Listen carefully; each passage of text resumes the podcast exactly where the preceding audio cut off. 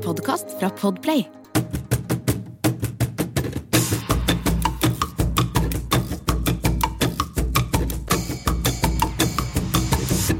Hei og velkommen til Dødepodden, en podkast om livet med døden. Jeg er Vibeke Viestad, jeg er arkeolog. Jeg er veldig opptatt av død og begravelse gjennom mitt faglige virke. Og jeg heter Andreas Viestad, og sammen så bor vi midt i en gravlund i Oslo. Og i dag så har vi flyttet ut av det trange, klamme studio og ut i hagen vår, som da betyr at vi sitter rett ute i, i gravlunden. Omringet av graver, så den oppmerksomme lytter kan nå høre lyden av en gravlund. Ja, for det er jo ikke stille som i graven i det hele tatt. Det er eh, utrolig mye fugler, det er utrolig mye aktivitet. Nå var det akkurat en familie som eh, satte seg rundt en grav. De hadde med seg blomster og, og, og planta dem, men så satt de liksom eh, fint rundt graven i, i et kvarters tid. Nå, nå er de i ferd med å reise seg og gå. Og vi kan også se da eh, hundrevis av gravstøtter rundt oss.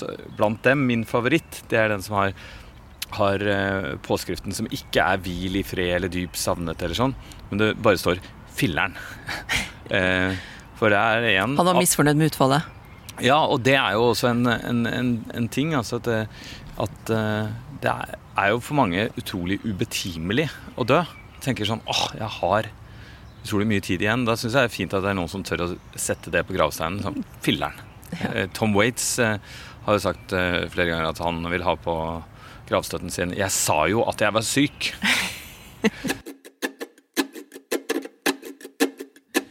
dagens program den skal handle nettopp om den norske gravlunden. Vi tenker jo ofte på En tilsynelatende litt sånn kjedelig, vanlig altså, ikke sant? Hva er en gravlund? Ja, det er en uh, grønn flekk midt i byen med, ja, med gravstøtter og hvis, Ja, ikke sant. Altså, så har man vært på på, på, på, reise. Jeg husker Første gang jeg var på interrail, så var jeg i Paris, og så var jeg på den der Père Lachaise-kirkegården, fordi det sto i guideboken at alle som besøker Paris, må dra der. Og jeg var ikke noe opptatt av Jim Morrison, men jeg var på Jim Morrisons grav og Edith Piafs grav og Oscar Wildes grav.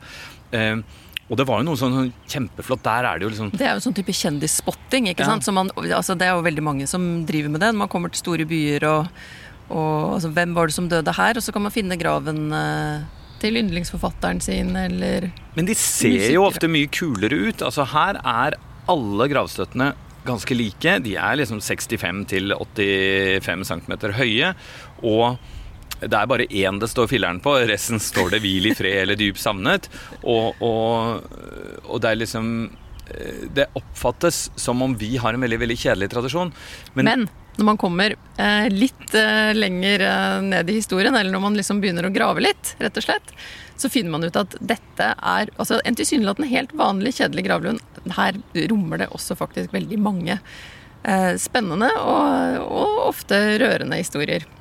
Vi skal innom både fattiggraver og eh, eh, ville dyr og, og, og, slike ting. Men vi skal altså da holde oss eh, innenfor en 300 eh, meters radius. Og kanskje kommer det et eh, redningshelikopter eller en, en, ambulanse forbi. Da må vi bare unnskylde litt sånn spesielle lydbilder. For vi er jo også ikke bare midt i en gravlund, men nærmeste nabo på andre siden av gravlunden ligger et stort sykehus. Men la oss begynne med sykehuset. Altså rundt oss er det masse, masse graver. Det er rundt 15 000 graver, eller 18 000 graver, og kanskje til sammen 150 000 mennesker som er gravlagt på gravlunden her. Men vår nærmeste nabo, bare 200 meter unna, det er fødeavdelingen på Ullevål sykehus. Så du kan si at det er på en måte livsløpsstandard fra, fra fødsel til, til, til, til grav. Og, innenfor noen få, ganske få meter. Ja, og eh, for ganske nøyaktig ni år siden så meldte vår, eh, vårt yngste barn sin ankomst. Og eh, det var midt på natta, og vi diskuterte hvordan skal vi komme oss til sykehuset? Vi hadde jo på en måte bestemt oss for at det var ikke noe vits i med taxi. ikke sant? Det er vanskelig å parkere, det er uansett veldig kort. Det ville tatt like lang tid å vente på drosje, drosjemannsbilen som noe annet. Går ikke noe buss, akkurat. Så vi hadde jo egentlig bestemt oss for å gå. Det var Men, det letteste. og nå må jeg bare innrømme det med en gang, at eh, jeg hadde fått en idé som jeg syns virket som en veldig veldig god idé akkurat da. Å prøve en snarvei. Så vi endte jo opp med å gå gjennom kirkegården, og så endte vi opp liksom, En vei som tilsynelatende gikk rett Til fødeavdelingen. Man kunne se hvordan veien fortsatte ut på andre siden av det som da viste seg å være et tre meter høyt gjerde. Jeg, jeg, jeg, har- jeg foreslo at vi, skulle, at, vi skulle, at vi skulle klatre, men det var du veldig lite interessert i. Ja. Du sa 'kan du klatre?' Samtidig som jeg krøket meg over den dumme lille trillekofferten med Med VR. tette veer. Mm. Men vi ble reddet da av, av en, eh, en som gikk på tur gjennom, eh, gjennom gravlunden. Og det var klokka halv to på natta, og hun var edru og vanlig. Ja. Dame som er ute og luftet hunden, rett og slett. Så eh, enden på visa ble at uh, vår sønn ble født på, på eh, På sykehuset og ikke på gravlunden. Ja, og vi vi kunne da se nedover gravlunden neste, neste morgen, og alt var i sin skjønneste orden. Men poenget er det der at eh, nesten uansett når du er i denne gravlunden, så er det masse aktivitet. Det er mennesker, altså det er sånn edru, tilsynelatende psykisk eh, balanserte mennesker som har bestemt seg for å gå tur med hunden klokken halv to. Men det er også utrolig mye natur. Det er et rådyr som har flytta inn på gravlunden her, så vi ser den nesten hver dag. Vi så den i går. De spiser, de spiser mye av beplantningen på, Ja. på gravene, sikkert litt til frustrasjon for mange. Men det er jo også mange rovdyr. Ja, altså for- både rev og grevling. Ja, vi har, jo, vi har jo høns her, så det kan være at dere hører hanene gale, gale om. Vi har også hatt eh, besøk da, av både grevling og rev. Jeg mistenkte ulv, men det er mange som sier at det er urealistisk. Så en morgen så kom vi ut, vi hadde fått uh, Andunger. og da kom vi ut, og da var de eh, de var drept. Spist på det aller mest bestialske vis. Så man skulle tro at det var veldig sånn fredsommelig, men, eh, men det er alltid liksom noen, og det er er utrolig det mange forskjellige brukergrupper. Ja. Ja, Da vi flyttet inn her, så fant vi jo også i busken på rett bak eh, huset, så var det jo tydelig at det var flere av byens løse fugler som hadde overnattet i lange perioder. Altså Der fant vi både soveposer og ekstra klær og stæsjboksen. Ja, sprøytespisser og den type ting. Så eh, det er jo noe av det interessante at man lager et sånn rom i byen som har tilsynelatende bare én årsak. Det er det, eh, en hensikt. Det er det at, eh, at det skal være eh, graver der, og at, eh, at folk som da er døde, brukere som er, er døde, skal ligge der helt stille og bli kompostert. Men så er det da de pårørende, men så er det alle de andre som bruker det av et- helt andre grunner. Som et grønt rom i storbyen.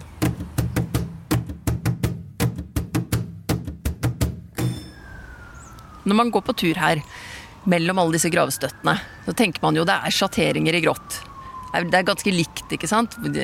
Vei opp og vei ned med Med Med- nesten like gravstøtter. ja, og ganske sånn enkle gravstøtter. Det er jo til og med strengt regulert, egentlig, hva man kan og hva man ikke kan. Ja, gjøre. for hvis man tenker åh, jeg har ikke lyst til å være en av de grå vesenene, jeg har lyst til å ha en påfugl, kjempestor påfugl som eh, gravmerke, eh, så får man rett og slett Da ikke lov til. det. Nei. Nei, Og vi har jo hatt mye om, om de liksom, forskjellige typer gravpraksis i andre deler av verden.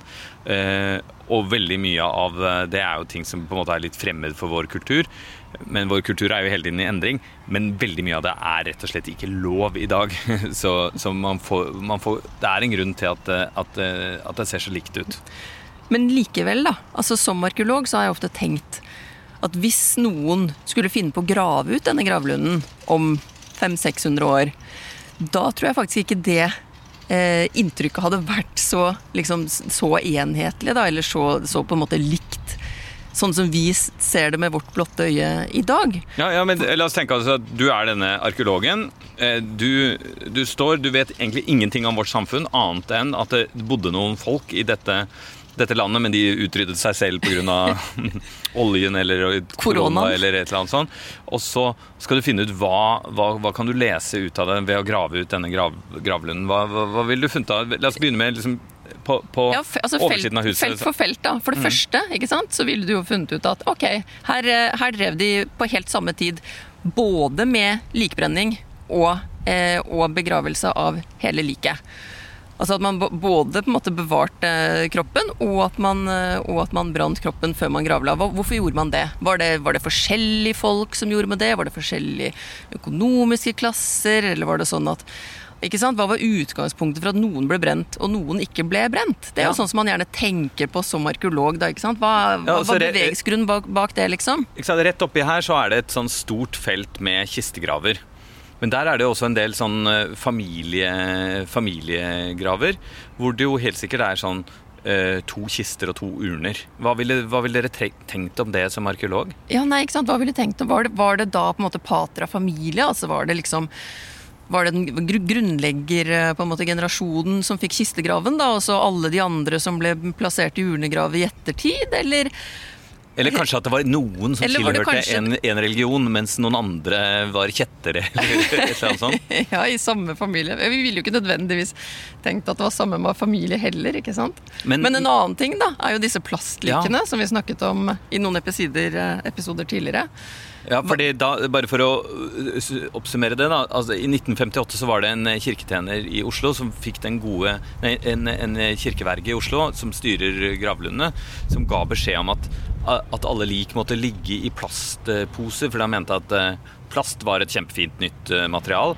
Eh, og det var veldig veldig, veldig praktisk. Men og resultatet var jo da selvfølgelig at likene ikke Ikke råtnet når man, ja. når man først gravla de. Ja, ikke sant? Så, og så hvis man, hvis man ikke kjenner til da dette brevet, ikke sant? hvis man ikke har de skriftlige kildene, så, så, må man jo tenke annerledes sånn Hvorfor er det noen som har blitt pakket i plast? For det ville man jo sett. Mm. ikke sant? Og mens andre ikke var det. Ja, var det, var det en epidemi? Var man redd for smitte? Eh, var det, var det, på en måte noen som var urene og derfor ikke skulle besudle jorden? Altså, det fins jo Eller var det liksom noen som var spesielt Det var en, en egen en egen religion av Plast Plastworshippers.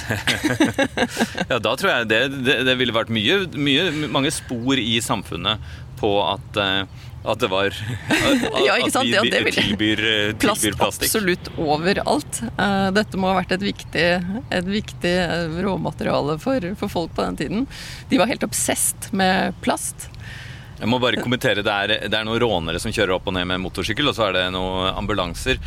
Så det kan være litt irriterende med all den lyden, men det ville vært mye mer irriterende hvis vi hadde spilt inn dette på en, en, eh, vanlig ukedag. Nå er det en, en, søndag. For vanlige ukedager så er de gravferd... Eh, de som er, er eh, ansatte i, på gravlønnen, de er helt besatt av å bruke sånn totaktsmotorer, så det ville vært enda mer, Gressklipper og kantklipper og men, men, når du kommer til urnene, da, altså sånn Hvis du blir kremert, så havner du antageligvis på sletta nedi her.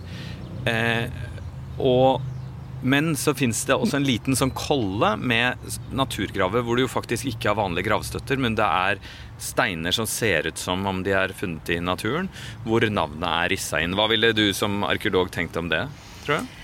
Ja, man, for da ville man jo også ha sett den opphøyningen i, i grunnen. da, ikke sant? Og at her var det flere forskjellige typer trær. Så kunne man jo kanskje tenkt nettopp det. At det var noen som da var opptatt av å komme tilbake til naturen på en annen måte enn de som kanskje var mer opptatt av fellesskapet f.eks. nede på sletta. ikke sant? At det, var, altså at det, var, en eller annen grunn til at de da ønsket å eh, De eller familien ønsket å på en måte plassere dem litt altså Til og med den der med at det er litt opphøyet. ikke sant? Litt opphøyet i terrenget. altså litt, eh, litt over alle andre.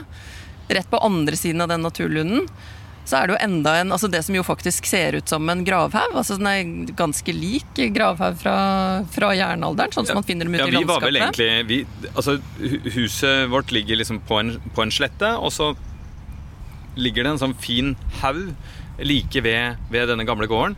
Og, og, mange andre steder i Norge så er jo det nettopp tegn på at det er en gravhaug som ligger i tilknytning til, til en gård. Gården, ikke sant? Ja, så Det kunne man jo på en måte tenkt seg her, da. Men hvis det. vi da hadde begynt å grave i den, ja. så ville vi jo funnet For det første så ville man da funnet at det ikke er eh, en eneste grav. Ingen urner heller, som er satt ned i den haugen. Men en gravhaug må vi jo likevel kunne si eh, at det er. Nå er dette en minnelund, altså hvor man finner planketter til de som har blitt satt ned i urne på, nede på sletta, rundt gravhaugen.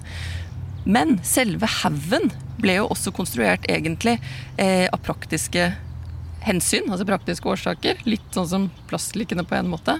Mer enn at man at det var tiltenkt å bli en minnelund da, i første omgang. Eh, og det var jo rett og slett det at man satt med et overskudd av eh, av kasserte gravstøtter. Altså Man visste ikke lenger hvor, hvor, man skulle gjøre alle de gravstøttene som man hadde fjernet fra eldre graver som folk ikke lenger betalt for. Og så var det en som jobbet på gravlunden her, som fant ut at hm, men vi kan jo bare samle alle disse gravstøttene her, på denne fine plassen, gravlunden. Eh, og så legger vi jord over, og så, og så sår vi gress. Så de har rett og slett gravlagt gravsteiner? Ikke sant? Så, så, på et eller annet tidspunkt Det er jo sånn at, eh, at når noen dør, så eh, fester man, som det heter, eh, graven i 20 eh, år som regel. Og så hvis, hvis, familien ikke da vil fortsette å betale festet, så blir eh, gravsteinen fjerna, og så kan man bruke graven på nytt. Men de gravsteinene er jo da et problem, fordi at der står jo navnet på den avdøde. Så, man, det, det, er jo sånn som man ikke ønsker å bruke måte, som gjenbruksmateriale, ja. ikke sant? Det er no, det er faktisk noen steder hvor man har brukt det til, til um, til å, å liksom uh, brolegge gater og sånn. Men, men, det er jo det, De mest kjente eksemplene er jo at uh, man under nazitiden brukte jødiske graver på den måten for å liksom ydmyke ydmyke de, som var gravlag. Så det er jo en forferdelig tradisjon. Men det er også andre ganger hvor man har brukt det som bygningsmateriale og sånn. Men i Norge regnes jo ikke det som greit. Så her tok man rett og slett alle gravsteinene gravde en, en, et, et høl i bakken, fylte dem i, og så, og så, ble det da en fin kolle, og så dekket man med, med jord og, eh, og sådde over. Hva, hva ville du tenkt om det som, eh, som arkeolog om 500 år? Nei, hva ville man tenkt om det? kan jo, altså Noen ganger så tenker man jo at hm, kanskje det var en praktisk praktisk eh, måte, årsak til dette fenomenet, men det er jo interessant. Et gravmonument over alle disse 100 gravene, da. Det er jo mm, Da ville man tenkt her, veldig, har de, her har de tatt fiendene sine. Her har de samlet sammen fiendene sine og visket dem ut av verdenshistorien, kanskje.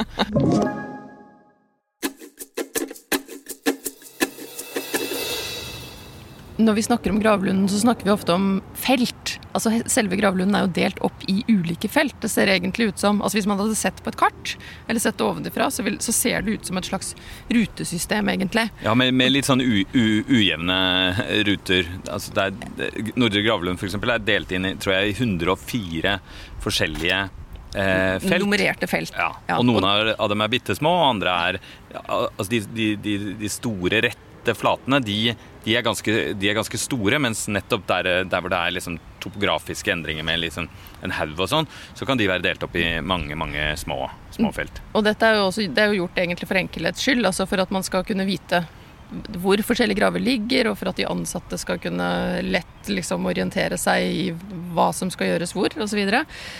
Men det er jo ett felt som, som utmerker seg eh, egentlig i det at det ser nesten tomt ut. Hva, hva er det med det feltet?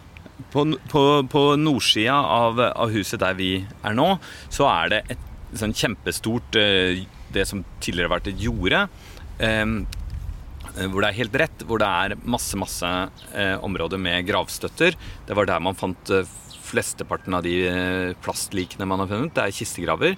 Og så er det ett av disse områdene hvor det normalt ville vært kanskje 150 eller 200 gravsteiner, hvor det bare er eh, to eller tre gravstøtter. Og det er de gamle fattiggravene. Fattig, hva betyr det? Altså fattiggraver? Eller frigrav, kalte man det. Jo, de fleste av oss, når vi mister en foresatt, så ringer vi begravelsesbyrå, og så setter vi i gang en begravelse, så er den enten storslått eller litt mer sånn enkel. Men de som ikke har har noen eh, familie, eller ingen som vil vite av dem. Altså som ikke har pårørende? Ja. De, eh, de, blir da begravet på kommunens eh, bekostning, og det er kommunen som da fester graven. Eh, og da får man som regel bare liksom et sånn lite eh, gravmerke i tre, og så når det hvis det velter pga. snøen, eller hvis det begynner å morkne, så blir det fjerna. Men graven er jo fortsatt da freda i, i 20 eller 30 år. Eh, så da blir, de, eh, da, da blir den jo seende helt tom ut. Ja. Og, og, og i dag så er det vel sånn at, at de gravene blir plassert rundt omkring innimellom alle Mm. de andre gravstøttene. Men før i tid, altså for litt siden, Ja. så, så samlet man den Alle- type graver på ett, et sted. Et sted. Også pga. disse plastlikene da, eh, så har man eh, vært eh, veldig forsiktig med å begynne å bruke disse områdene igjen. Så, så nå står de her, selv om det kanskje er 50-60 år siden mange av disse gravene ble etablert. Så, og, det var jo en veldig skam da, å ligge på det feltet. Da var det jo til og med sånn at sant, hvis Eh, hvis man da reiste en gravstein der eh, seinere, så ville alle se at du var eh, begravet på kommunens bekostning, og at det da eh, var en slags sånn vanære i det. I dag så, så har vi jo ikke den samme synligheten rundt de som, de som har fått ekstra tilskudd fra, fra, fra kommunen eller, eller staten og sånn. Eh, men før var det jo veldig mye skam. Og man sier jo også det der med eh, uttrykk som går igjen i sånne gamle bøker og filmer og sånn, er sånn eh, ble, ble begravet i en umerket grav. At det er en sånn forferdelig synd. Ja at, det, ja, at det går liksom med deg inn i døden, det at du var ensom eh, på det siste. Men det var jo noe annet også med de fattiggravene som, som, som vi ble kjent med egentlig når vi begynte å, å skrive boka som vi jobber med nå, Dødeboka. En Ja. del av en historie som, Som er ganske, som er som, er enda, drøy. som er enda mm, tristere Ja. enn som så. For jeg spurte en, en av våre kontakter som eh, Vi har gått mange turer i gravlunden for å få, få forklart hva er det som hva er det som skjer her, hva er dette, hva er det som er spesielt? Og da har vi sett og, flere og flere nyanser. Og han, eh, Svein Olav fortalte oss om disse eh, fattiggravene og historien bak, men så fortalte han en ekstra ting, nemlig det at, at eh, i tillegg til at det var da sånn at, eh, at eh, Lasaron-Lasse og Alkis-Atle ble, ble, ble lagt eh, til hvile aleine i, i denne umarkede graven, så var det eh, sånn at eh, barn som var dødfødte, enten seint i, i graviditeten eller som hadde levd en dag eller to eller tre, eh, de ble gravlagt i de samme gravene. For de fikk ikke, de fikk ikke en egen Den fikk ikke en egen grav. grav. Eh, og, og de eh, Så da ble de ofte samla opp, og de fikk ikke engang kiste. Så, så i tillegg til at man la ned en kiste med et fattig eh, voksen menneske, så kunne det ligge så mye som 15 små pappesker med, med barnelik i den samme graven. For da hadde man samlet opp Da hadde man samlet opp det inntil det var en frigrav. Så, i påvente av at det skulle åpnes en frigrav. ja, og det var jo en sånn Jeg vet ikke Ja, for, hva hva- jeg, altså, jeg bare Som mor så tenker jeg det må jo ha vært helt Ja, men Det er jo nettopp det som var Forferdelig. forferdelig, fordi mange av disse Dette var jo eh, ikke sant, Det kunne vært unge mødre, det var altså det, det er jo mange, mange forskjellige eh, om, omstendigheter. Men da var det i hvert fall sånn at, at hvis de kom tilbake etterpå og spurte hvor ligger mitt barn begravet, så var det heller ikke lov for etaten å fortelle eh, hvor graven var, fordi at graven tilhørte den voksne. Så graven var merket den voksne, og for at man ikke da skulle Så man hadde kanskje ikke helt oversikt heller? Da, jo, var- jo, jeg tror man had, faktisk hadde oversikt. Altså, eh, så jeg har hørt at, liksom, at det ble sagt at, at det var helt sånn hjerteskjærende. Man fikk ikke lov til å fortelle det. fordi da er det nettopp sånn at, at eh, den graven der hvor en har blitt eh, gravlagt, da med kanskje da 15 barn eh, den graven tilhører den voksne, og da skal det ikke være sånn at andre legger masse blomster på, eh, på graven osv. Eh, I en annens navn, på en måte. Mm. Så, så, så det har vært et, eh, et, et sånn hjerteskjærende del av norsk gravferdspraksis at, at det har vært masse mødre som har mistet barn, og som da ikke vet hvor de er gravlagt. Eh, og det han Svein Olav sa, det vi kunne si, var vi kunne si hvilket område det var. Og i noen tilfeller så fikk det på en måte et eh, bra utfall ved at, eh, at når graven Hvis gra, festet ikke ble fornyet, så fikk mødrene vite det, og da fikk de kanskje, tror jeg, i noen tilfeller til og med muligheten til å, å feste, feste graven. Um, og med jeg ser ingen, ingen, ingen barnegravstøtter på dette området. Men, dette er jo heldigvis en praksis som ikke, som ikke lenger uh, Ja, nå har man jo egne barnefelt og sånn. Mm. Men jeg bare lurer på hva man ville ha tenkt hvis hvis dere som arkeolog igjen da, hadde kommet og funnet et sted hvor det var ett voksent menneske og så 15 babyer ja, Nei, det er jo helt forferdelig. Altså, men, men, dere ville jo også spekulert på en helt annen måte sikkert enn en, en det som er den, den virkelige Ja, ikke sant, for her igjen da, så er det jo på en måte altså, det, Dette var en, en slags eh, praktisk løsning på et vis, da, altså i mangel av, eh, av en bedre måte å liksom tenke om det på eller å si det på. så men uh, Men dere ville jo kanskje tenkt at her, er, her, her, hviler det en heksedoktor, eller en uh, Det må jo ha vært noe veldig spesiell grunn til å være gravlagt med, med Så mange ja. Så mange døde. Men det er verdt å tenke på når man går forbi disse her, eh, helt vanlige områdene, at, at, det skjuler seg både mange, mange liksom forskjellige typer praksis, kan man si, men også, også veldig mange sterke historier. Utrolig mange skjebner.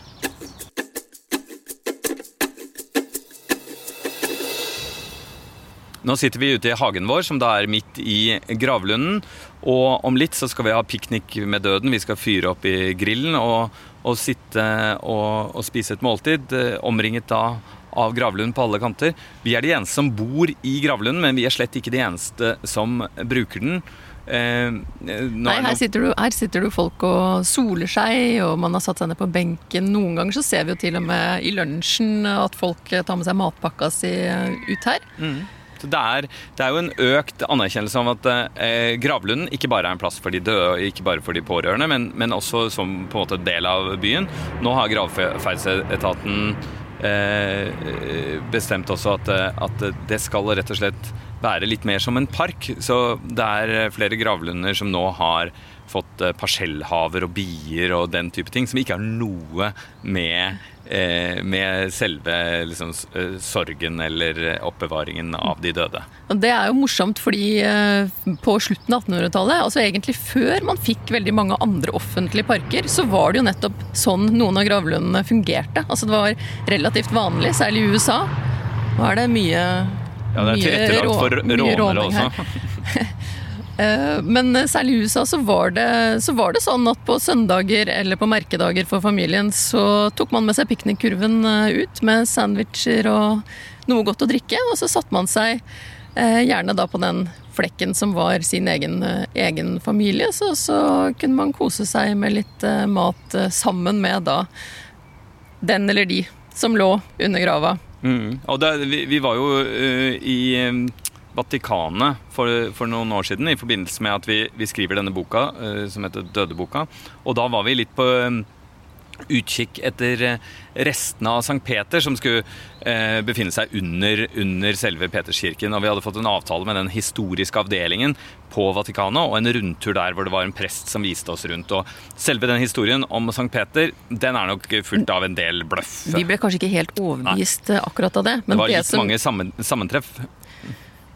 Men det, men det, som jo var veldig spennende, var at man faktisk da fikk gå gjennom den eh, døde byen, egentlig. Altså alle de flotte husene som var blitt bygget for, for rike romere. Ja, da hadde til... de bygd sånne gravkamre som eh, eh, hvor, hvor, man jo da hadde sarkofager, og det var nydelig eh, utsmykking med fin mosaikk og, og sånn. Og noen steder så hadde folk skrevet litt sånn hyggelige eller grovis-graffitier på veggene. Men de ble da brukt Eh, eh, også som liksom underholdningsplasser. Så familien som hadde gravplass der, de dro på merkedager, kanskje liksom eh, dødsdagen for far i familien. Så dro man der, og da satt man på taket og spiste og, og drakk. Men det var også veldig praktisk at det var i nærheten av en sånn veddeløpsbane. Så da kunne man sitte på taket og se ned på veddeløpet. Drikke og kose seg sammen med gode venner. Og så hadde så man, man, altså man satt altså ikke inne i huset sammen med den døde, men man satt på taket. Men man kunne allikevel skjenke eh, forfedrene. For da hadde man laget en sånn liten sånn trakt, nærmest, eh, som var eh, oppe eh, på taket, og så kunne man helle et lite glass vin som da gikk ned til gravene, sånn at, eh, at man kunne sitte og si 'skål for bestefar', og her er en liten hikkas til bestefar også, og takk for Takk for tjenesten.